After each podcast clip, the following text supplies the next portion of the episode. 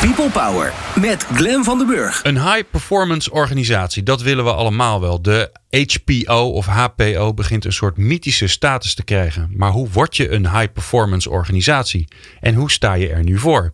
Jan Dirk den Breeën is eh, consultant bij Schouten en Nelissen en auteur van het boek De High Performance Organisatie: Leiderschap, Strategie, Beleid en Cultuur. En we hebben Jan Dirk aan de lijn. Welkom Jan Dirk. Ja, dank je. Meestal spreken we auteurs van nieuwe managementboeken, maar de High Performance Organisatie is geen nieuw boek, maar een herziene editie. Waarom uh, moest die herzien worden? Nou, het is een boek uit 2004. Uh, onder de naam Rendement van Leren en Veranderen is de eerste editie verschenen. En de tweede editie is in 2009 verschenen. En we zitten nu in 2017, dus is de beste een en ander veranderd op het gebied van casuïstiek en nieuwe managementtheorieën, et cetera. En een van, het boek is een beetje duaal. Aan de ene kant vind ik dat de lezers van het boek, en er zitten ook uh, studenten bij van masteropleidingen en bacheloropleidingen, die moeten gewoon weten wat er speelt, wat nieuwe theorieën zijn. Maar eigenlijk is de boodschap van het boek dat je, als je die theorieën eenmaal hebt gelezen en ze zitten in je onderbewust, dat je ook even daar moet laten op het moment dat je echt uh, met de vraagstukken aan de, ja, bezig gaat. Omdat het een, toch een soort gekleurde lens is waardoor je kijkt. En als je niet oppast, dan ga je vanuit de oplossing van een of ander bureau of uh, auteur of consultant uh, kijken naar wat er gebeurt in je bedrijf. En eigenlijk is de essentie van het boek om met een zo ongekleurd mogelijke lens te kijken naar complexe vraagstukken. Ja. Dus het is, het is, een beetje en en. Ja, ja is, het is toch een beetje ook de, het gemiddelde managementboek zegt: dit, is, dit is een probleem, doe deze zeven stappen en dan komt het goed. Ja, dat, dat, dat hangt samen met ook het thema van het boek. Ehm, wat je ziet is dat uh, de mens eigenlijk ongeveer 4 miljoen jaar op aarde rondloopt. Uh, waarvan uh, zo'n beetje 90% van de tijd in een hele primitieve jagers- en verzamelaars samenleving. eigenlijk niet altijd zo ingewikkelde dingen zijn waar vluchten of vechten eigenlijk goede oplossingen waren. En dat eigenlijk zo'n misschien 5% van de tijd dat we op aarde rondlopen we in een ingewikkelde verstedelijke samenleving zitten met allerlei complexe problemen.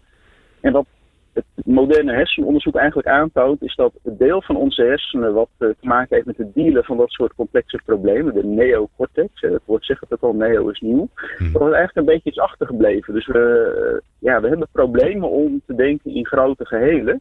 En dat uitzicht, dat zie je vaak wel, als je met mensen praat, dan is het vaak, zodra het over iets abstracts of complex gaat, dan zie je al heel snel dat veel van de mensen zeggen, ja, wel even praktisch blijven, hè, gewoon wat gaan doen. En ja dat mensen heel erg vanuit zichzelf denken van ik of mijn afdeling of uh, en ook methode, methode X, methode. Het moet snel concreet en praktisch worden. En ja, uiteindelijk uh, is het best wel simpel, alleen je moet wel eerst het grote plaatje zien en dat even vereenvoudigen om naar die simpliciteit uh, toe te komen. En dat is eigenlijk waar ik mij op richt. Okay. Wat wil je met het boek bereiken en de, en de, en de HPO-scan? Zeg je trouwens HPO of doe je het in het Engels? Nou, ik zeg uh, HPO. Okay. Uh, dat is het Nederlandse uh, begrip. Nou, wat ik eigenlijk wil bereiken is ook wat het World Economic Forum heeft, vorig jaar heeft gepubliceerd. in de zin van wat zijn nu echte competenties waar tekorten aan gaan komen, waar het meest urgent is voor 2010. Dat is een mega groot onderzoek bij allerlei mensen uit bedrijven van HR, uh, CEO's, you, you name it, uh, bij betrokken zijn. En wat je ziet in het onderzoek is dat, uh, dat er eigenlijk iets, een iets andere accent gelegd wordt op de competence gaps dan we nu vaak nog doen. Op dit moment zie je dat er heel veel aandacht is voor soft skills van mensen. En die zijn ook heel erg belangrijk. Hè. Er moet meer samengewerkt worden, et cetera. Maar wat interessant van het onderzoek is dat nummer 1 uh, van de skills waar een, een tekort aan is, het meeste vindt, dat is complex problem solving. Uh, nummer twee is critical thinking. Uh, nummer drie is creativity. En daarna krijg je eigenlijk pas people management, uh, samenwerking met anderen, et cetera. Dus um, je ziet eigenlijk dat de samenleving in zo'n hoog tempo complexer wordt, dat met name die aandacht voor complexe vraagstukken, dat die heel erg aan het toenemen is. En daar wil ik eigenlijk voor zorgen dat we daarmee leren dealen in organisaties. Ja, en een high performance organisatie, hè, je hoort heel veel mensen die, die nemen, het, in de mond. Die zeggen ja, dat willen we worden. Maar wanneer ben je het nou? Het is uh, ja, de meest gehanteerde definitie van HPO of HPO is dat je het duurzaam beter doet dan vergelijkbare organisaties in de branche.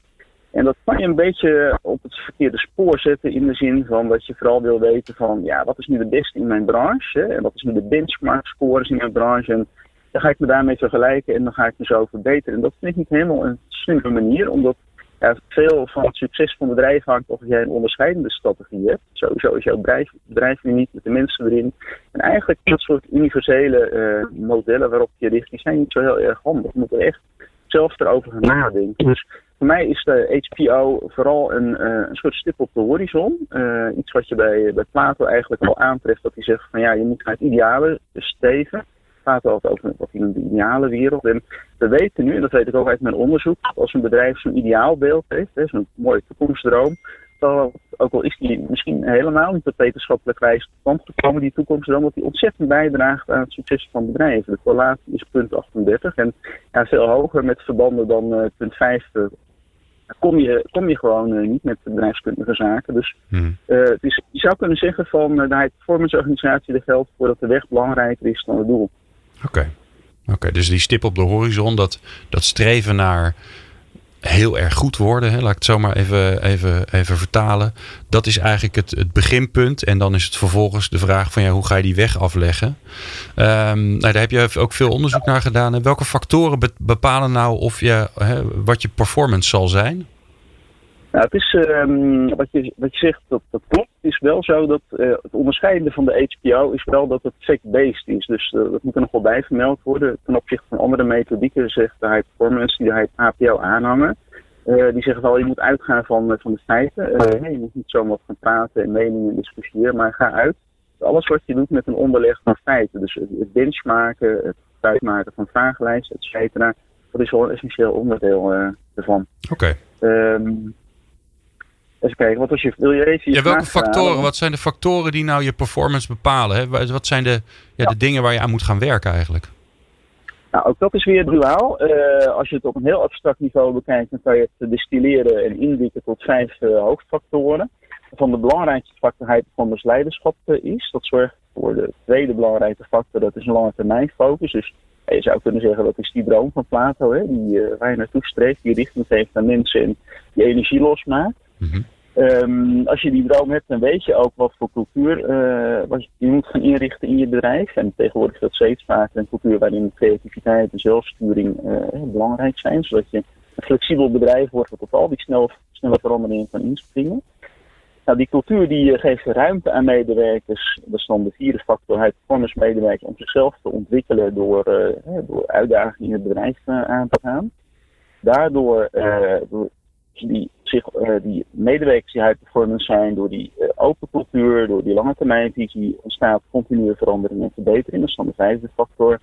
En ja, op een hoog abstractieniveau kan je het indikken tot die vijf factoren. En dat is ook wel interessant om naar te kijken. Alleen, ik heb, ja, mijn benadering is dat die vijf factoren al heel erg uitspits. Er zijn uh, ongeveer 140 puzzelstukjes waarmee je eigenlijk alle thema's die in managementartikelen, die in boardroom discussies besproken worden, kunt vangen als een soort periodiek systeem der elementen. En waarvan het nuttig is om uh, die te vergelijken met hoe je het daarvoor doet ten opzichte van andere Nederlandse organisaties. En je weet van tevoren nooit precies wat voor jou de dingen zullen zijn. Vaak uh, heeft men een idee ervan, maar er zitten allerlei witte vlekken in, dus meet ze maar gewoon allemaal en vergelijk dat met andere organisaties. En um, ja, dan ontdek je als je dan samen de interpretatie daarvan doet, van waar het eigenlijk echt om gaat. En er is echt een, zijn verslagen voor nodig om van het concrete denken naar een, een ja, die abstracte dynamiek uh, te ontdekken. Ja, ja, wat ik me ook van kan voorstellen, dat je, dat je met, ja, met dit gedachtegoed van die high performance organisatie probeer je ook die, echt die hele organisatie te vatten. En, dan, en, dan, en dan, dan is het ook niet raar dat je natuurlijk veel indicatoren hebt, uh, uh, veel schuifjes waar je aan moet, uh, aan moet sturen. En, en, dat je, en dat je daar dan ook, want ik heb het boek voor me liggen, een, een, een fors boek voor, voor hebt geschreven. we hebben natuurlijk niet de tijd om, om het overal over te gaan hebben. Een van de, van de onderwerpen waar ik op getriggerd werd. Hè, want leiderschap, daar is natuurlijk veel over geschreven. Uh, het ontwikkelen van mensen is veel over geschreven. Maar ik triggerde op, op die open organisatiecultuur. Want ik las dat en toen dacht ik van ja, ik kan me heel goed voorstellen dat dat heel belangrijk is.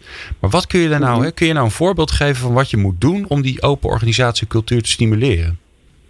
Ja, nou wat ik uh, eigenlijk, je noemt nu een van de vijf factoren die, die zeker heel belangrijk is. Maar wat voor elk van die vijf factoren is dat er een soort, een soort wolk uh, omheen hangt. Dus we, neigen hier het ook vaak uh, te zoeken in één of twee factoren. En dan vaak uh, zie je vaak dat mensen of psychologische neigingen hebben en duiken in de onderstroom. En dan is ook zodra je met ze praat over een issue, ja, het zit in de onderstroom. Of is het juist dat mensen vanuit de klassieke MBA-opleiding alles zoeken in de ratio en dan, ja, dan is het allemaal analyse. Maar het is echt een wolk van factoren waarbij je zowel die harde en zachte dingen even sterk uh, correleren met elkaar. Als je kijkt naar een open organisatiecultuur, dan is heel erg belangrijk.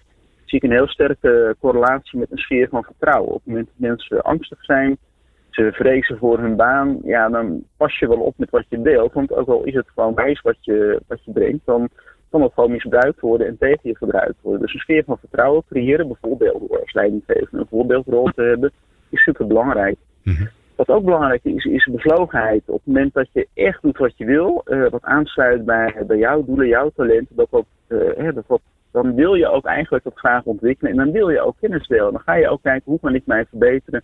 Hoe kan ik dat bij andere mensen, van andere mensen leren. Dus mensen vanuit hun kracht laten werken is belangrijk. Mhm. En dan kan de afdeling naar R natuurlijk een heel belangrijke bijdrage aan leveren.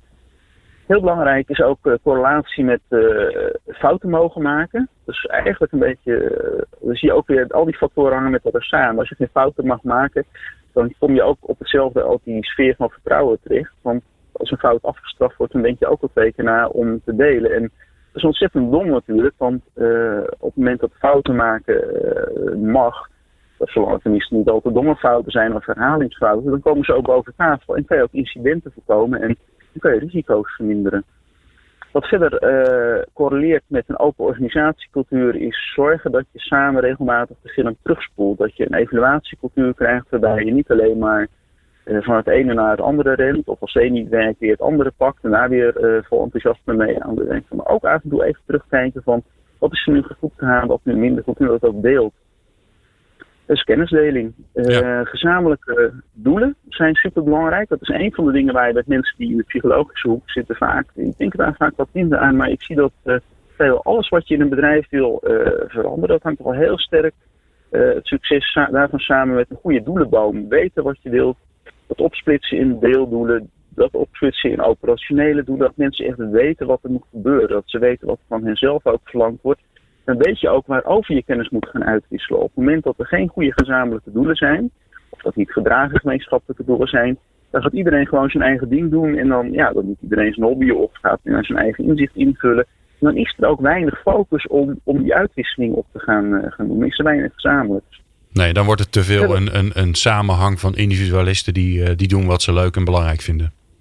Ja, en dat komt vaker voor dan je denkt. Omdat je ziet dat uh, zeker de afgelopen jaren, toen alles uh, was, hè, omzet loopt terug, we moeten meer geld verdienen, dan zie je eigenlijk dat die oude missie en visie en de, de bedoeling van de organisatie, dat uh, of onderstroomt bij overheidsorganisaties, met name in, in een zee van regels en bureaucratie, of dat je in commerciële organisaties het allemaal gaat om geld verdienen. En ja, weet je, ik denk dat 10% van de mensen in een organisatie kikt op meer omzet en targets halen.